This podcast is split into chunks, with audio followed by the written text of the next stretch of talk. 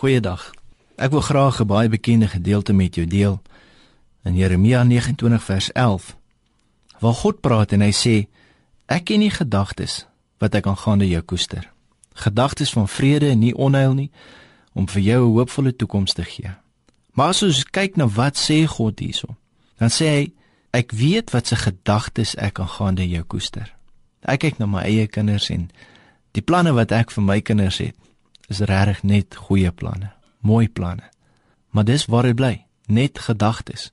En die beste gedagtes wat God vir my en vir jou het, beteken nie noodwendig dat ons in dit ingaan beweeg nie. Jy sien, God wil hê ons moet in daai rigtings in beweeg.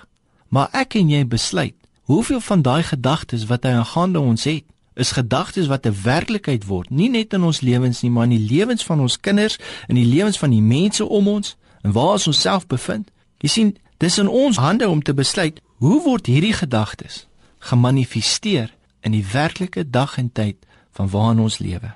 Job 22 vers 28 sê, hy sê neem 'n besluit, dan kom dit tot stand. En miskien moet ek en jy vanaand 'n besluit neem. Miskien moet ons 'n besluit neem oor ons toekoms, miskien moet ons 'n besluit neem oor die gedagtes wat God aangaande ons het. Ons moet kyk na God se woord en ons moet sê, Here, dit is wat ek vir my wil hê. Dis wat ek vir my toekoms wil hê. Dis wat ek vir my kinders wil hê. Dis wat ek vir my kinders se kinders wil hê. En nou moet ons besluit neem oor wat het ons nodig om te verander om by daai punt uit te kom.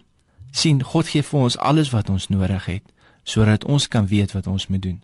Maar is ons gewillig om God se woord vas te vat en veranderinge en aanpassings te maak wat ons tot nou toe nog nie gedoen het nie.